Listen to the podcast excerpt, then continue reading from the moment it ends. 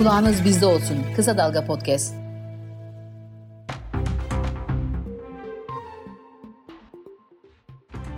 Kısa Dalga'dan merhaba.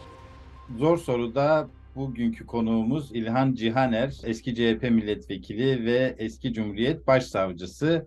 Şu anda da hukukçu olarak devam ediyor. Ee, İlhan Cihaner'le JITEM davalarını konuşacağız. Çünkü İlhan Cihaner 1998'de JITEM'le ilgili açtığı soruşturmayla aslında tarihi bir süreci başlatmıştı e, ve bir yargılamanın e, ilk adımlarını atmıştı. E, İlhan Bey merhaba, hoş geldiniz. Merhabalar, hoş bulduk. İyi yayınlar. Teşekkürler. Şimdi 1998'e gideceğiz ama kısa bir özet vereyim ki hani asıl konuşacağımız konuya yoğunlaşalım. 98'deki atmosfer şöyleydi. Türkiye'de 90'larda özellikle Kürt illerinde, Güneydoğu Anadolu bölgesinde çok yoğun faili meçhul cinayetler işleniyor ve bu cinayetlerin arkasında aslında kamu görevlerinin olduğunu toplum biliyordu ve buna rağmen hiçbir soruşturma, esasa dair hiçbir e, adli işlem yapılamıyordu. Ama meclis komisyonlarında ve bir takım mecralarda JITEM adındaki bir oluşumun varlığı artık kabul edilmeye başlanmıştı. JITEM jandarma istihbarat içerisinde kurulmuş ve Kürt illerinde insanların binalarına kadar bildiği bir illegal devlet oluşumuydu. Adı bile tuhaf geliyor. İllegal devlet oluşumu, illegal resmi bir oluşum. Tam bu ortamda bir trafçı İbrahim Babat bir Susurluk Komisyonu'na mektupla bilgi vermişti. Surluk skandalından sonra JITEM'in işlediği cinayetleri anlatıyordu ve de şunu diyordu. PKK ile ilişkisine şüphelendiğimiz herkesi öldürme yetkimiz var. E, ve bunun üzerine siz İdil'de bir soruşturma açtınız. Bu yetkiyi nasıl kendinizde gördünüz? JITEM'le ilgili soruşturma açma yetkisini ve sonrasında neler oldu? Kısaca bir anlatır mısınız? Ee, öncelikle Cumhuriyet Savcısının zaten böyle bir görevi var. Yetki bir tarafa, öteden beri e, Türk Ceza Adalet Sistemi'nde Cumhuriyet Savcısının görevi şöyle tanımlanıyor. Herhangi bir suç işlendiği izlenimini edindiği anda derhal işin hakikatini araştırmaya araştırır diyor. Yani böyle bir görev vermiş yasa. Dolayısıyla burada soruyu biraz tersine çevirmek lazım. Niye soruşturulmamıştı? Niye soruşturulmuyor benzer iddialar? Dolayısıyla ben görevimi yapmış oldum. Yani e, İdil sınırlar içerisinde işlenen bir evet, suçtan hareket ettiniz değil mi? Evet. O, o dönem e, İdil'de e, çok sık istifalar olduğu için görev süresi çok kısıtlıydı. Ben ilk görev yerim Reyhanlı'ydı. İkinci görev yerim İdil oldu. Her görev yaptığım yerde işte faili meçhul dosyaları bir gözden geçiririm. Açık dosyaları geçirirdim. Ee, orada ilk önce üç köylünün e, 89 yılında öldürüldüğü bir dosya ilgimi çekti. O dosyada e, üç köylünün e, işte e, Nusaybin, e, Şırnak yolu üzerinde, Cizre yolu üzerinde İdil sorumluluğunda kalan bir bölgede e, infaz edildiği yani e, işte uzun namlulu tüfeklerle üç köylünün yolun kenarında öldürüldüğü bir dosya vardı. Ama dosyanın içerisinde hiçbir şey yoktu neredeyse. Sadece otopsi tutanağı, işte şüphelilerin bulunması için rutin yazışmalar. Yani bu kadar ciddi bir e, olaya bu kadar e, ciddiyetsiz ve özensiz yaklaşılması da dikkatimi çekti. E, hemen e, olayda bilgisi olabilecek işte yakınlarından başlayarak bir soruşturma e, başlattım. Tam bununla e, ilgili süreci olgunlaştırırken Ahmet Şık'ın o dönem Radikal'de bir yazısı çıktı. Gene İdil'deki bir takım e, bombalama, işte adam öldürme olaylarıyla e, ilgili e, işte İbrahim Babat e, ifadesine referansla bir haberi oldu. Onu da resen o haberi suç ihbarı olarak kabul ederek onu da o soruşturmayı da açtım. Daha sonra bunları birleştirdim. Nitekim üç köylünün öldürülmesinin şöyle olduğu ortaya çıktı. Bir itirafçının da dahil olduğu, işte başında Ahmet Cemal Sever'in olduğu bir grup e, itirafçının söylemesi üzerine korucu ve itirafçı daha sonra korucu olmuş. Bu üç köylüyü işte Kasrik Boğazı'nda arabalarından indirip işte sorguladıklarını Tam tersi e, PKK ile hiçbir ilgilerinin olmadığı, hatta devlete daha yakın durumda oldukları anlaşılıyor. Ancak kendilerini gördükleri için biz bunları serbest bırakamayız e, demesi üzerine o itirafçının, korucunun üç körlüğün infaz edildiği gibi bir durum çıktı ortaya. O oradaki şüphelileri tespit ettim. Daha sonra e, Ahmet Şık'ın haberinde geçen olayları e, soruşturmaya başladım ve kod adı e, işte Hacı Hasan olan aslında Suriye uyruklu olan uzunca süre PKK'da e, bulunmuş e, bir itirafçının işte İbrahim Babat'ın e, da, daha önce verdiği ifadelere ulaştım. Ve orada adı geçen işte o faili meçhul öldürmelerin e, bilgileri daha çok e, Diyarbakır'daki DGM, e, özür dilerim İnsan Hakları Derneği de arşivlerinin olduğunu tespit ettim ve oradan kendilerine yapılmış tüm e, faili meçhul işte e, kayıp kişilerin isimlerini istedim. Ve daha sonra aynısını emniyetten, jandarmadan istedim. Kendilerine yapılmış kayıp başvurularının. Bu gelen bilgilerden e, bir soruşturma yöntemi oluşturarak işte kimin nerede öldürülmüş olabileceği gibi bir e, mantıkla hareket ederek e, soruşturmamı genişlettim. E, orada daha çok e, alınan kişiler yani haksız bir şekilde, hukuksuz bir şekilde e, evinden, yoldan alınan kişiler başka bir yerde götürülüp öldürüldüğü için de kaybolunan yerle e, cesedin bulunduğu yer arasında da bir bağ kurulması mümkün olmamış ve böyle bütünlüklü bir soruşturmada hiç açılmamıştı o zamana kadar.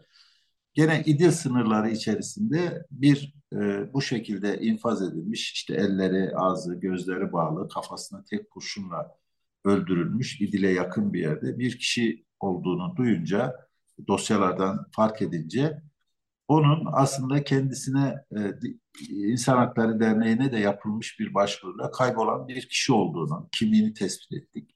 Ailesini çağırıp işte cesedin teslim edilmesi için e, uğraştım ve bölgedeki tüm Cumhuriyet savcılıklarına yazarak ellerinde bulunan tüm e, kimliği belli olmayan cesetler ve kayıp başvurularını bana göndermelerini istedim bir örneğini. Böylece aynı yani e, şimdi şöyle bir manzara hani e, bir savcı bir ilçe cumhuriyet savcısı çıkıyor ve e, biraz tabirimin e, uygun görünürsen boyunu aşan işler yapıyor. O günkü atmosfere göre yani yetkisi ve görevi dahilinde görevi dediniz ve yetkisini kullanıyor. Peki e, sonraki engellemeleri biliyoruz ama e, JITEM önüne geleni öldüren hani bu konuda çok gözü kara sırf kendisini gördü diye üç köylüyü öldüren bir yapı. Size yönelik bir tehdit bir e, ya da bir endişe hissettiniz mi bir tehdit hissettiniz mi? Doğrusu hissetmedim. Yani mutlaka olmuştur ama e, o süreç içerisinde işte bu soruşturmayla ilgili e, yaptığım yazışmaların zarflarının tabi bu bir şüphe bana gelmeden e, böyle açılmış olduğuna dair böyle tespitlerim oldu. Fakat e, o şeyi tamamlayayım aynı silahla işte bir İdil sınırları içerisinde işte iki yaşlı karı kocanın Cizre sınırları içerisinde yani adeta aynı gece insanları Diyarbakır'dan toplayıp işte cesetlerini serperek bir seri cinayetlerin işlendiğini falan da tespit ettim. Böyle olunca olayın ciddiyeti çok ortaya çıktı ve kimlikleri yavaş yavaş e, bazı kimliklerde tespit etmeye başladık. E, engellemeler şöyle oldu, tabii ki oldu. E, ben e, örneğin o dönem hatırlayacaksınız, faili meçhul cinayetlerle ilgili mecliste bir komisyon kurulmuştu. Bu komisyonun raporu bazı kısımları sansürlü olarak e, kamuoyuyla paylaşılmıştı. Ben raporun sansürsüz bir örneğini istedim. E, önce göndermek istemediler. Sansürlüsünü gönderdiler. En sonunda e, Başbakanlığa şöyle bir yazı yazdım. Yani bu bir suç soruşturması. Suç soruşturmasında tek yetkili ve görevli Cumhuriyet Savcılığıdır. Ya sansürsüz örneğini gönderin ya da sorumluların ismini bildirin bana dedim. Böyle yazınca mecbur gönderdiler. Yani o raporu bana ve sansürsüz hali geldi. Ondan da faydalandım.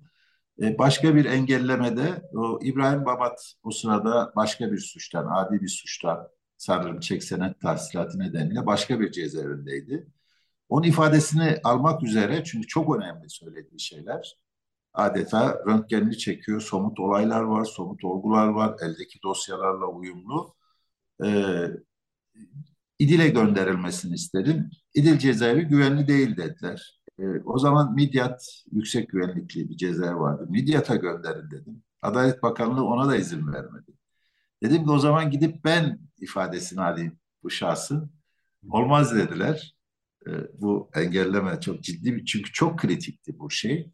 Artı bunun üzerine ben yaklaşık yanılmıyorsam 160 soruluk bir soru e, çıkardım ve bu soruların yanıtlanması için bulunduğu cezaevinin bağlı olduğu savcılığa gönderdim ama e, tek cümlelik bir yanıt geldi bu talimatlara ki çok önemliydi oradaki sorular. E, yanıtta e, benim hala devam eden bir davam var. E, bu dava sonuçlanmadan ifade vermek istemiyorum. Sonradan anlaşıldı ki birileri ziyaret ediyor. E, akıllı ol, e, ifade verirsen devam etmekte olan davada e, başım belaya girer gibi bir şeyler olmuş. Bu da spekülasyon olduğu için çok şey yapmayayım. Yani bu tarz engellemelerle karşılaştık. Sonra işte o dönem istifalar çok olduğu için görev süresi de çok kısaydı.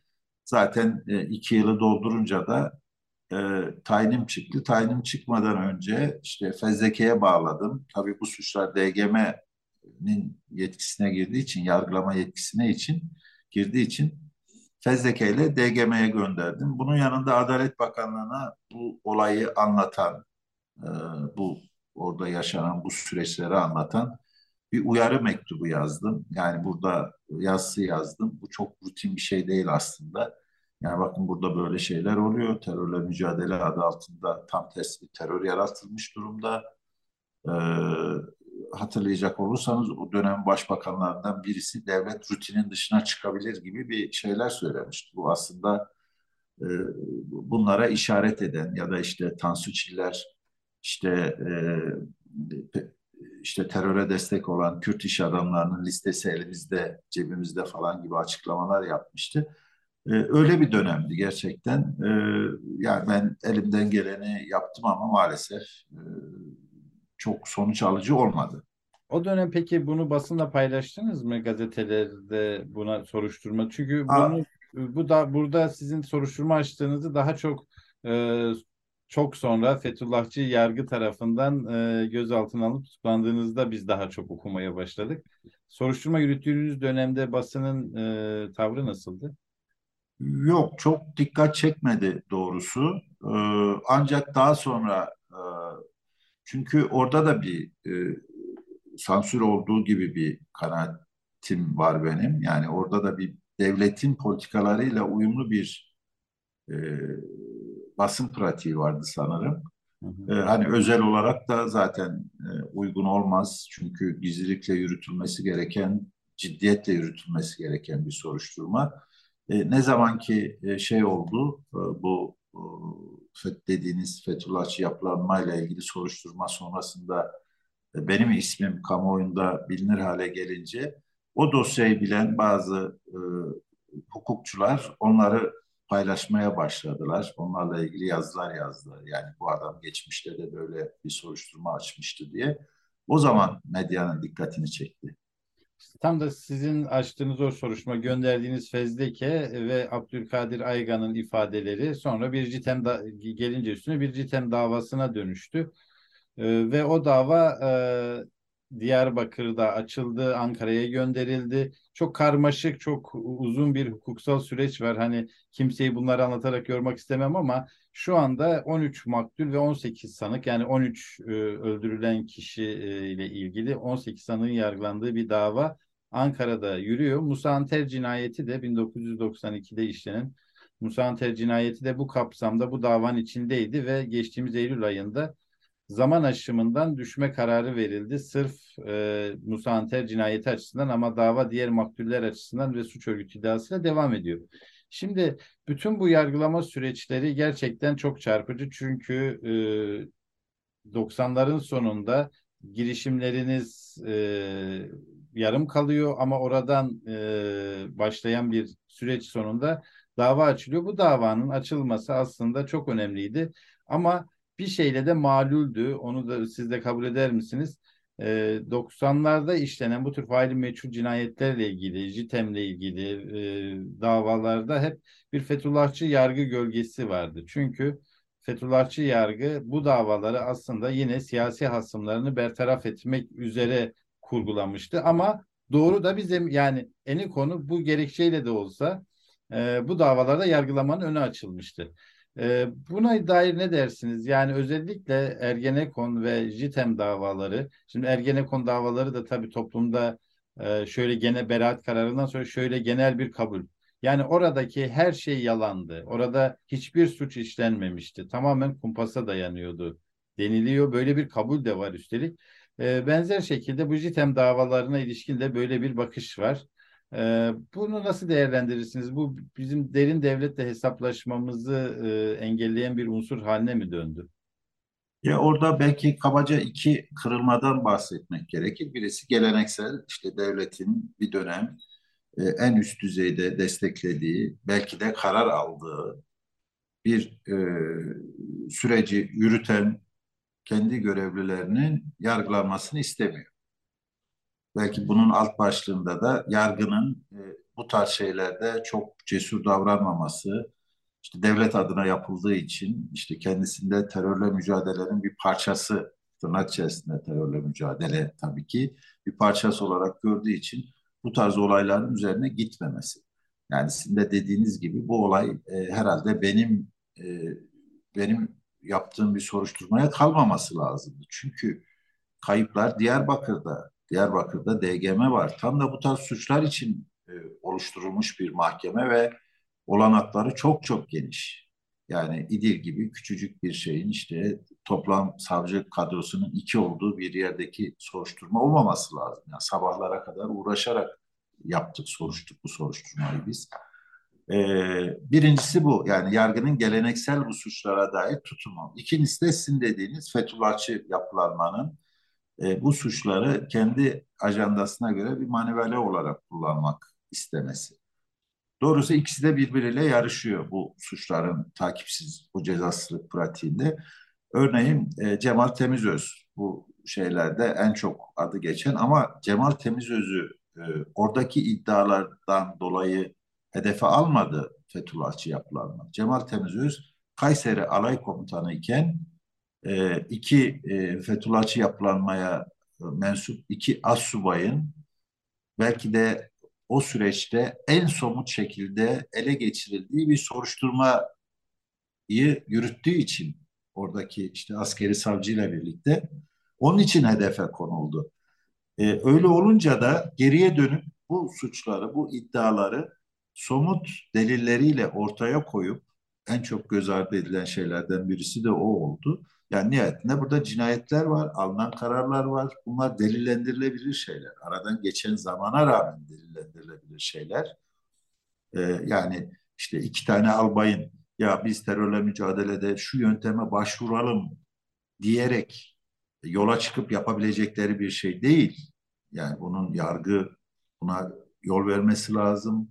İşte ordunun yol vermesi lazım, emniyetin yol vermesi lazım ki e, bu pervasızca bu cinayetler işlenebilsin. Siz Bunların bunun yani bunlar, şöyle e, devlet içerisinde özel bir iradeden söz edilir hep bu konuda. Yani e, sanki hani e, bunlar devlet içinde bir kanat ya da bir yapı e, bunların önünü açmış, destek vermiş ama e, devlet burada genel olarak bir aklanmaya da çalışılır. Belki derin devlet kavramı da buna eşlik ediyor. İşte o, onun yerine bütüncül olarak yani tüm karar mekanizmasını yani devlet e, soyut bir şey nihayetinde ama devlet adına o kararı alanlar onun için biraz ben bu derin devlet e, analizine de biraz soru işareti koyarım öteden beri. Yani nihayetinde baktığınız zaman e, eğer bu karar Milli Güvenlik Kurulu'nda alındıysa ya da işte e, başbakan tarafından o meşhur konuşmasıyla birlikte e, başbakan tarafından onaylandıysa artık önümüzde somut bir takım şüpheliler var demektir. Ama derin devlet dediğiniz zaman biraz failsiz hale de getiriyoruz. Sanki böyle kişiler yok orada başka bir şey var. Değil yani orada söylemek istediğim şey buydu. Ya da işte niye benim önüme geldiğinde ben tüm bölgedeki faili meçhul dosyaları inceleyip aralarından ortak bir şey bulmaya çalışıyorum da orada onlarca yıldır üstelik birçoğu yargının üst kademelerine kadar tırmanmış olan e, kelli felli DGM savcıları niye bunu yapmıyor? İşte orada dediğim gibi bir yargının geleneksel olarak bu suçlara bir mesafeli duruşu var. E, iki e, işte bu Fethullahçı yapılanma da bu soruşturmaları kendi ajandasına göre eğip büktü. E, somut içeriğine dair hiçbir şey yapmadı. Koca koca e, imkansız davalarla koca koca e, büyük torbaların içerisine atıldı ve o davaların sonuçlanması da artık imkansız hale geldi. İşte zaman aşımına falan gitmeye başladı. Ben şunu ee, görüyorum, araya girdim ama e, şimdi Fethullahçı yapı e, AKP ile işbirliği yaptığı dönemde bu davaları açabildi, açtı. E, ve bir da, dava süreci hani her şerde bir hayır vardır e, misali.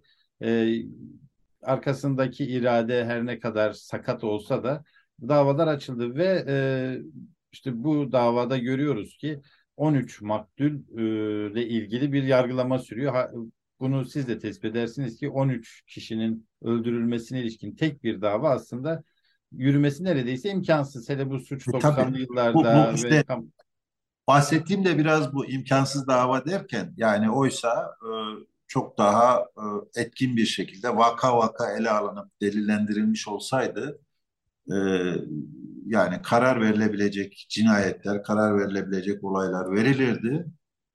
E, yani burada tek delil Abdülkadir Aygan'ın e, ifadesi değil ki. Yani ya da Abdülkadir Aygan'ın ifadeleri zaten yeterince e, somut olguya işaret ediyor. Onun üzerinden de gidilebilirdi.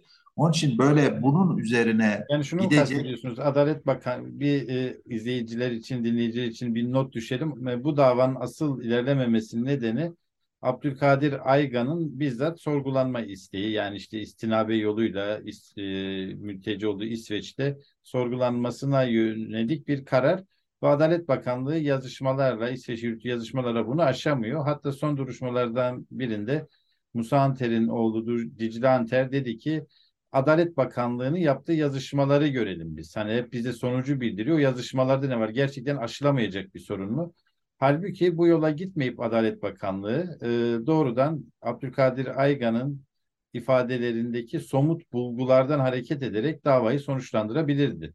Değil e, mi? Kuşkusuz e, artı oraya oraya e, biliyorsunuz işte e, bir e, heyet gönderebilirdi naip hakim gönderebilirdi ifadesinin alınması için. Bakın Türkiye'nin siyasi gündemini belirleyen, hatta giderek tersinden söyleyelim, Kürt meselesinin bu kadar e, belki de çetrefil hale gelmesinin en önemli düğümlerinden birisidir bu faili meçhul cinayetler ve 90'larda yaşanan bu olaylar. Bu kadar önemli olan bir olay da e, Deniz Fener'inde pekala hatırlayacak olursunuz hatırlarsınız e, iki savcı gidip değil mi Deniz Feneri ile ilgili bizzat yerinde e, tespitlerde bulundu, evraklar aldılar, yanılmıyorsam ifadeler aldılar. E, pekala bu olayda da bu yöntemler uygulanabilir. Yani e, bunların yapılması yerine işte üç ayda bir verilen duruşma günlerinde e, işte yazı yazılarak falan olacak şey değil. Bu çok çok ciddi bir olay, çok ciddi bir yani Türkiye'nin bir döneminin e, ve o dönem üzerine inşa edilen siyasetini, e, gerilimlerini ve en önemlisi de o kadar insanın yaşamını ilgilendiren bir ailelerin e, yaşamını ilgilendiren bir olayda e, bu kadar üstün körü gidilmemesi lazım. Özetle devlet siyasi olarak bu davaların e, açığa çıkmasını e, etkin bir şekilde yürütülmesini istemiyor. Çok açık.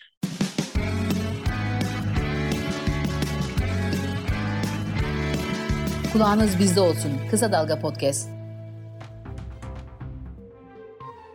Peki AKP bunu neden istemiyor? Aslında bu soruyu net olarak söyleyebiliriz. Hani soru e, Türkiye'de e, garipsenmeyecek bir soru. Normalde e, bunu siyasi bir partinin e, iradesine bağlamak ama çok açık ya aslında AKP iktidarı istese e, bütün o mekanizmaları çalıştırır, yargı e, tırnak içinde işini gereği gibi yapar ve bunu sonuçlandırır. 90'lı yıllarda işlenen cinayetler var ortada ve bugün e, siyasi irade bunu istemiyor. E, bunun aşamadığı bir devlet gücü olduğunu düşünmüyoruz artık. E, hani iktidar oldular. e, iktidar neden istemiyor sizce? Bu yapı devam ettiği için olabilir mi? E, değil. Yani AKP e, o cinayetlerden e, siyasi ya da işte bakış açıları her neyse, her nasılsa beslenen yapıdan e, ari bir yapı değil ki. Bak bakın AKP'nin kurucularına işte Abdülkadir Aksularına, işte Cemil Çiçeklerine falan bir dönem bu işler olurken çok etkin yerlerde olan kişiler. Hı hı. Ya da onlara destek veren kişilere bakın şimdi işte e, ağırlara, paramiliter yapılara bir MHP faktörü var. Bakın o isimlere. Zaten o siyasi gelenek e, bu şeylere e, hayırhah diyelim en basit haliyle. Hayırhah bakan kişiler. Yani e, nitekim o pratiklerini başka siyasi davalarda falan da görüyoruz. Hani şöyle bir bakış açıları hiç olmadı ki. Yani e, bu tarz karanlık olayları açığa çıkaralım. Arkasında kim varsa e, o açığa çıksın. İşte sorumlular hukuk önünde hesap versin dediklerinde dönüp bakınca yanındakini görecekler. Ya da bizatihi o adamlar bunu söylemez. Hani isimler değişmiştir. İşte nihayetinde AKP dediğimiz şey de Erdoğan'dan ibaret değil. E, Erdoğan'ın da hukuk, hukuk devleti ve bu tarz etkin soruşturmalara nasıl baktığını biliyoruz. E, dolayısıyla burada bu tarz bir soruşturmayı ya AKP acaba niye e, bunun üzerine gitmiyor şeyinin cevabı çok açık bence. Çünkü zaten bu yöntemleri yürüten, bizatihi içinde olan birçok adam paramiliter yapılar zaten şu anda AKP ile birlikte. Evet, Dolayısıyla o yöntemsel de e, AKP e, derin devlet diyeceğim yine çünkü belki bunun yerine yeni bir kavram icat etmeliyiz. Devletin hukuk dışı faaliyetleri dediğimizde de çok geniş bir alana giriyoruz. Ben derin devlet dediğimizde derin devlet faaliyetlerine ilişkin olarak e, 90'lı yıllarda şöyle bir yöntem vardı yani devlet suç işlemeye karar verdiğinde hakikaten ya da devlet yetkilileri diyelim e, illegal oluşumla eliyle bunları görüyordu. Yani resmi e, ve legal bir şekilde bunlar işlemiyordu. Şimdi biraz bu hukuk da ortadan kaldırıldığı için sanırım e, doğrudan e, resmi kurumlar eliyle yani insan hakkı ihlalleri, yaşam hakkı ihlalleri, işte e, bir sürü başka pratik e, hiç illegal bir oluşuma, perde arkasında yürütülmeye gerek kalmadan yani JITEM gibi yapılara gerek kalmadan devlet eliyle bizzat yapılıyor. E, burada belki derin devletin devletleşmesi. Çünkü şunu görüyorum mesela 1998'de İdil savcısı Adalet Bakanlığı'na öyle bir yazı yazdığında tamam engellenmiş. Belki iki dönem arasındaki farkı da gösteriyor. Ama konu başka bir yere de atanmış. Yani hayatına devam etmiş, mesleğine devam edebilmiş. Bugün herhangi bir savcı iktidarı da kapsayacak şekilde böyle bir soruşturma açsa yani diyelim ki mesela Mehmet Ağar'ın bugünkü kamu görevleriyle olan ilişkileri ya da Sedat Peker'in iddiaları üzerinden somut soruşturmalar açsa, yazışmalar yapmaya başlasa ertesi gün e, mesleğini kaybeder, itibarını kaybeder, kendisini cezaevinde bulur. Böyle bir fark var. Yani e, geldiğimiz nokta aslında biraz işte bu, devletin devletleşmesi gibi değil mi? Bu bu fark e, aslında AKP'nin sorumluluğunu da arttıran bir fark. Yani o zaman e, e, siyasi iradeyle e, yargının göreceli özelliği e, ama o göreceli özellik bazen aleyhe değiştiriyordu. DGM pratiğinde olduğu gibi. Yani bazen siyasete müdahale edecek kadar işte bazen işte siyasetin istediği e, o ana politik e, hukuk politiğine, politikasına ilişkin şeyler dışına çıkacak kadar bir göreceli özellik. O dönemin aklamasını yapmak istemem tabii. Ee, öyle bir durum vardı. Ama şimdi öyle bir şey yok. Ben Reyhanlı'da e, ilk görev yerimde e, bir pamuk e, destekleme primi yolsuzluğu soruşturmasında Tansu Çiller hakkında fezleke düzenlemiştim. Raporları 3 ay geç gönderdiği için. E, Çok lüks. Hazine kontrolörlerinin raporlarını 3 ay gönderdiği için e, görevi ihmalden fezleke düzenleyip göndermiştim. Ee, yani kimse de bunu gönderdim diye bana o zaman bir şey sormadı. Ama şimdi böyle bir şey mümkün değil. Onun başka bir konu tabii savcılık mesleği nasıl bu hale dönüştü, nasıl zapt altına alındı, nasıl memurlaştırıldı, ileri hakimler nasıl yapıldı. Ama sizin yaptığınız tespit AKP'nin siyasi sorumluluğunu da arttırıyor.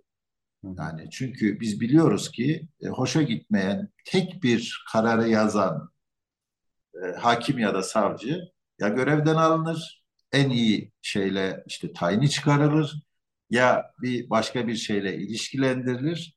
E, bu, bu durumda da bunun üzerine gitmek mümkün değil. Bu yani eskiden örneğin SHP e, bir dönem Adalet Bakanlığı'ndayken SHP'ye şöyle bir e, e, savunma yapma imkanı vardı. Ya yargı benim müdahale edeceğim bir alan değil.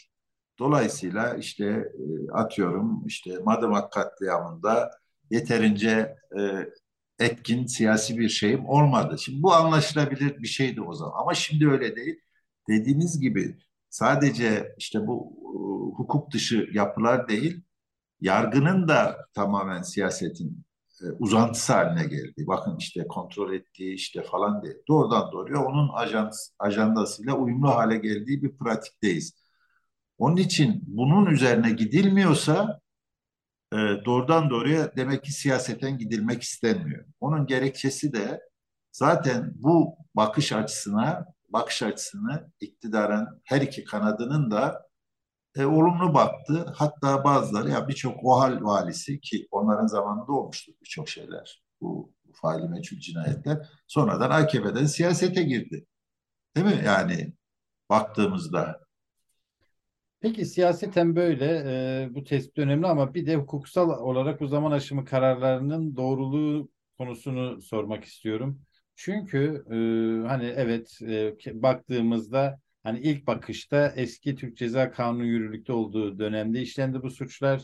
E, 20 yıl olan zaman aşımı işte kesilen nedenler olursa 30 yıla uzuyor ve düşüyor. Ama beri yanda e, ahimi kararları var. E, işte e, hatta insanlığa karşı suç bağlamında e, Türk Ceza Kanunu'na da 2005'te yürürlüğe giren Türk Ceza Kanunu'na da maddeler konuldu. Bu tür suçlarda zaman aşımının işlemeyeceğine dair özellikle AHİM'in kamu görevleri eliyle bu tür suçlar işlendiğinde e, suçun özelliğinden ötürü zaman aşımının e, işlemeyeceği yönünde kararları varken Türkiye'de yargı bunu kabul etmedi. Aslında bu düzenlemeleri gerekçe olarak da işte 2005'te getirilen bu düzenlemenin e, düzenlemeden sonra işlenen suçlar için geçerli olacağını söyleyip 90'lı yıllardaki e, işlenen suçların zaman aşımından düşmesinin kapısını açtı.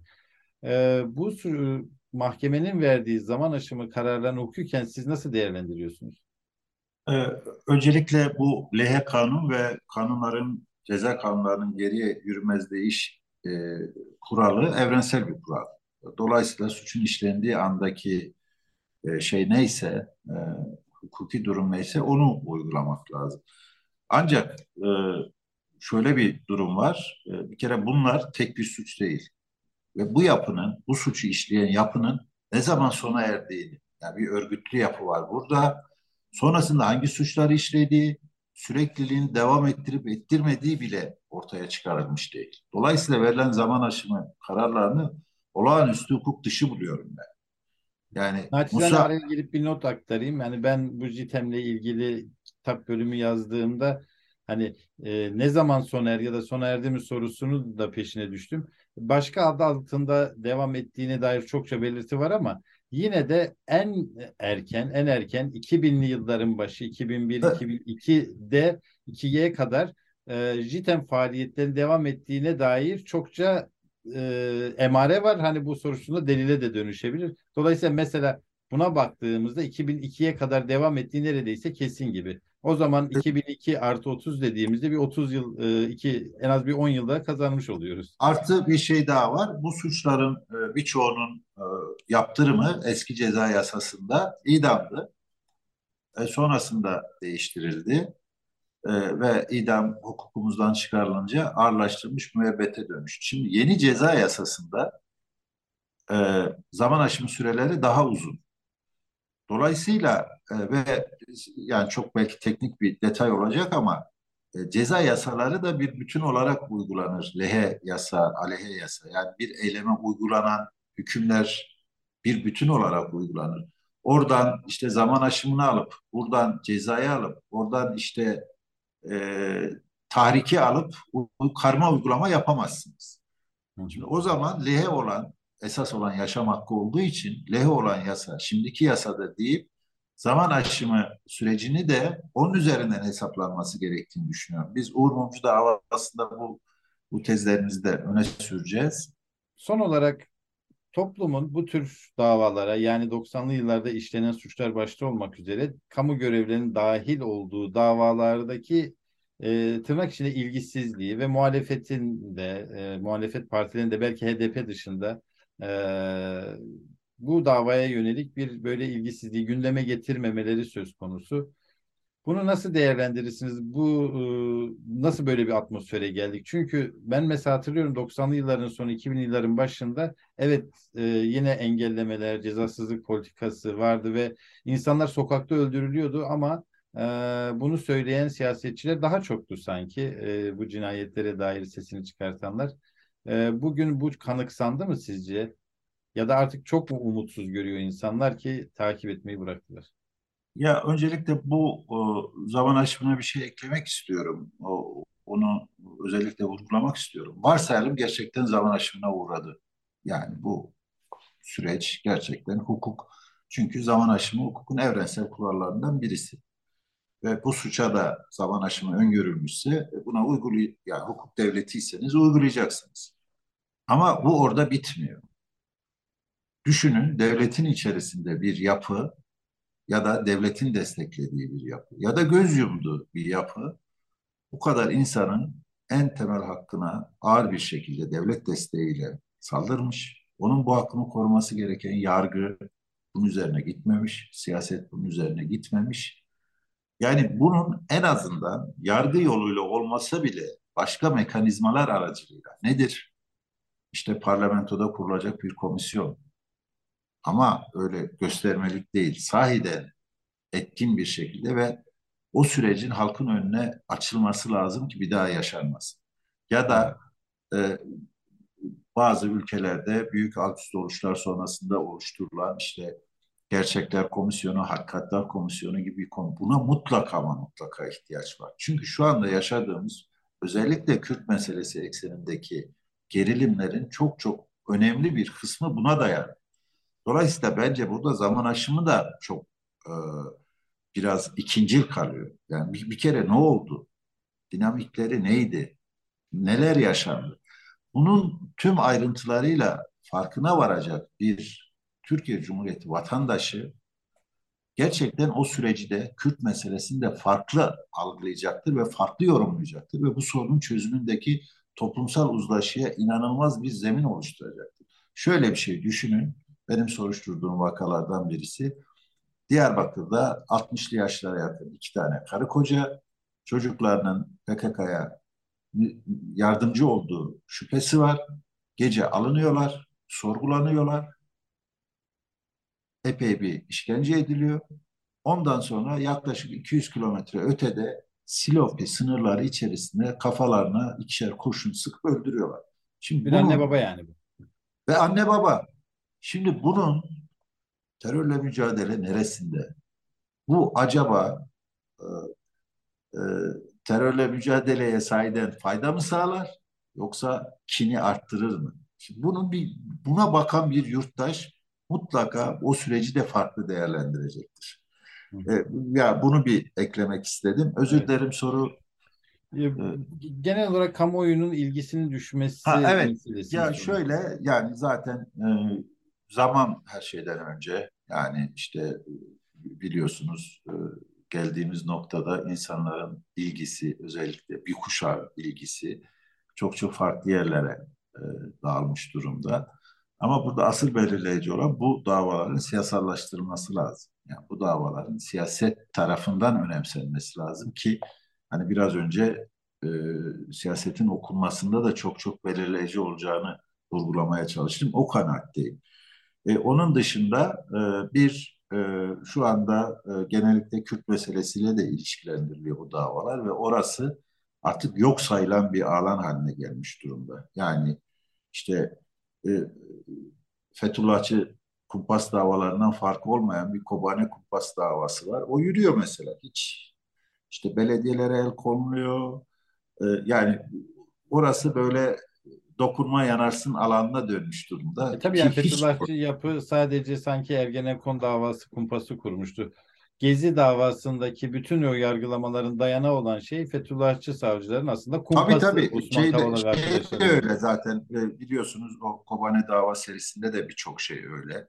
Mesela orada Hüdapar'ın rolü tartışılmıyor.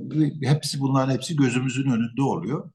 Orada bir e, bu bunu gündeme getirecek e, yani bunu gündeme getirecek iktidar olmadığına göre AKP MHP olmadığına göre muhalefet.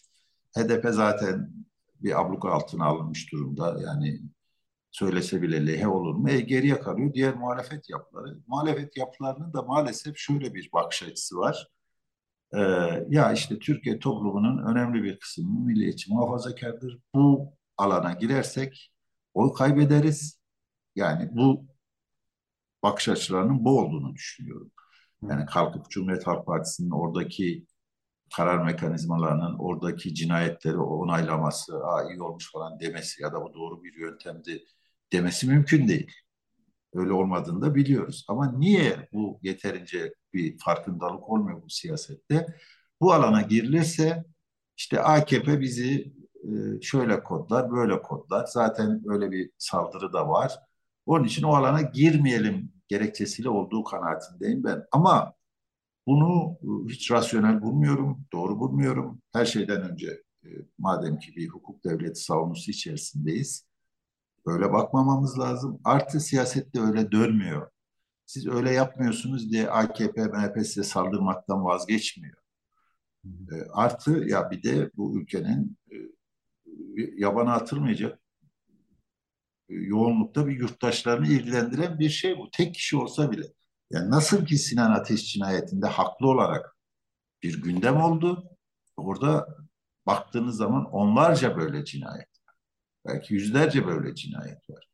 O zaman e, burada bir siyasi tutum işte Türkiye to Türkiye toplumuna dair e, kafalarında bir şablon var. O şablon da tam da sağın onlara dayattığı bir şablon. Ona bakarak böyle yaparsak ya işte bize şöyle derler biz de oy kaybederiz falan gibi bir yaklaşım içerisinde olduklarını düşünüyorum. Doğru da bunu. Sanki aksini yaptıklarında oy patlaması yaşıyor. hayır, hayır zaten e, aksini yaparlarsa belki oy patlaması evet. olabilir. Onu bilemiyoruz. Ama e, sürekli böyle yapıldığı halde e, de, dediğiniz gibi e, öyle bir e, şey de olmuyor yani. Öyle bir fazla o yükseliş falan da olmuyor. E, o konudaki fikrim de budur.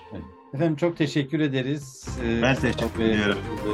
Programa katıldığınız için. Ee, umarız ki e, önümüz seçim ve seçimlerden sonra en azından bütün bunların çözülmeye başladığı mekanizmaları görmeye başlarız diye son bir dilekte bulunayım. Umuyorum. Çok teşekkürler.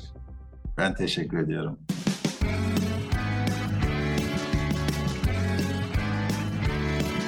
Kulağınız bizde olsun. Kısa Dalga Podcast.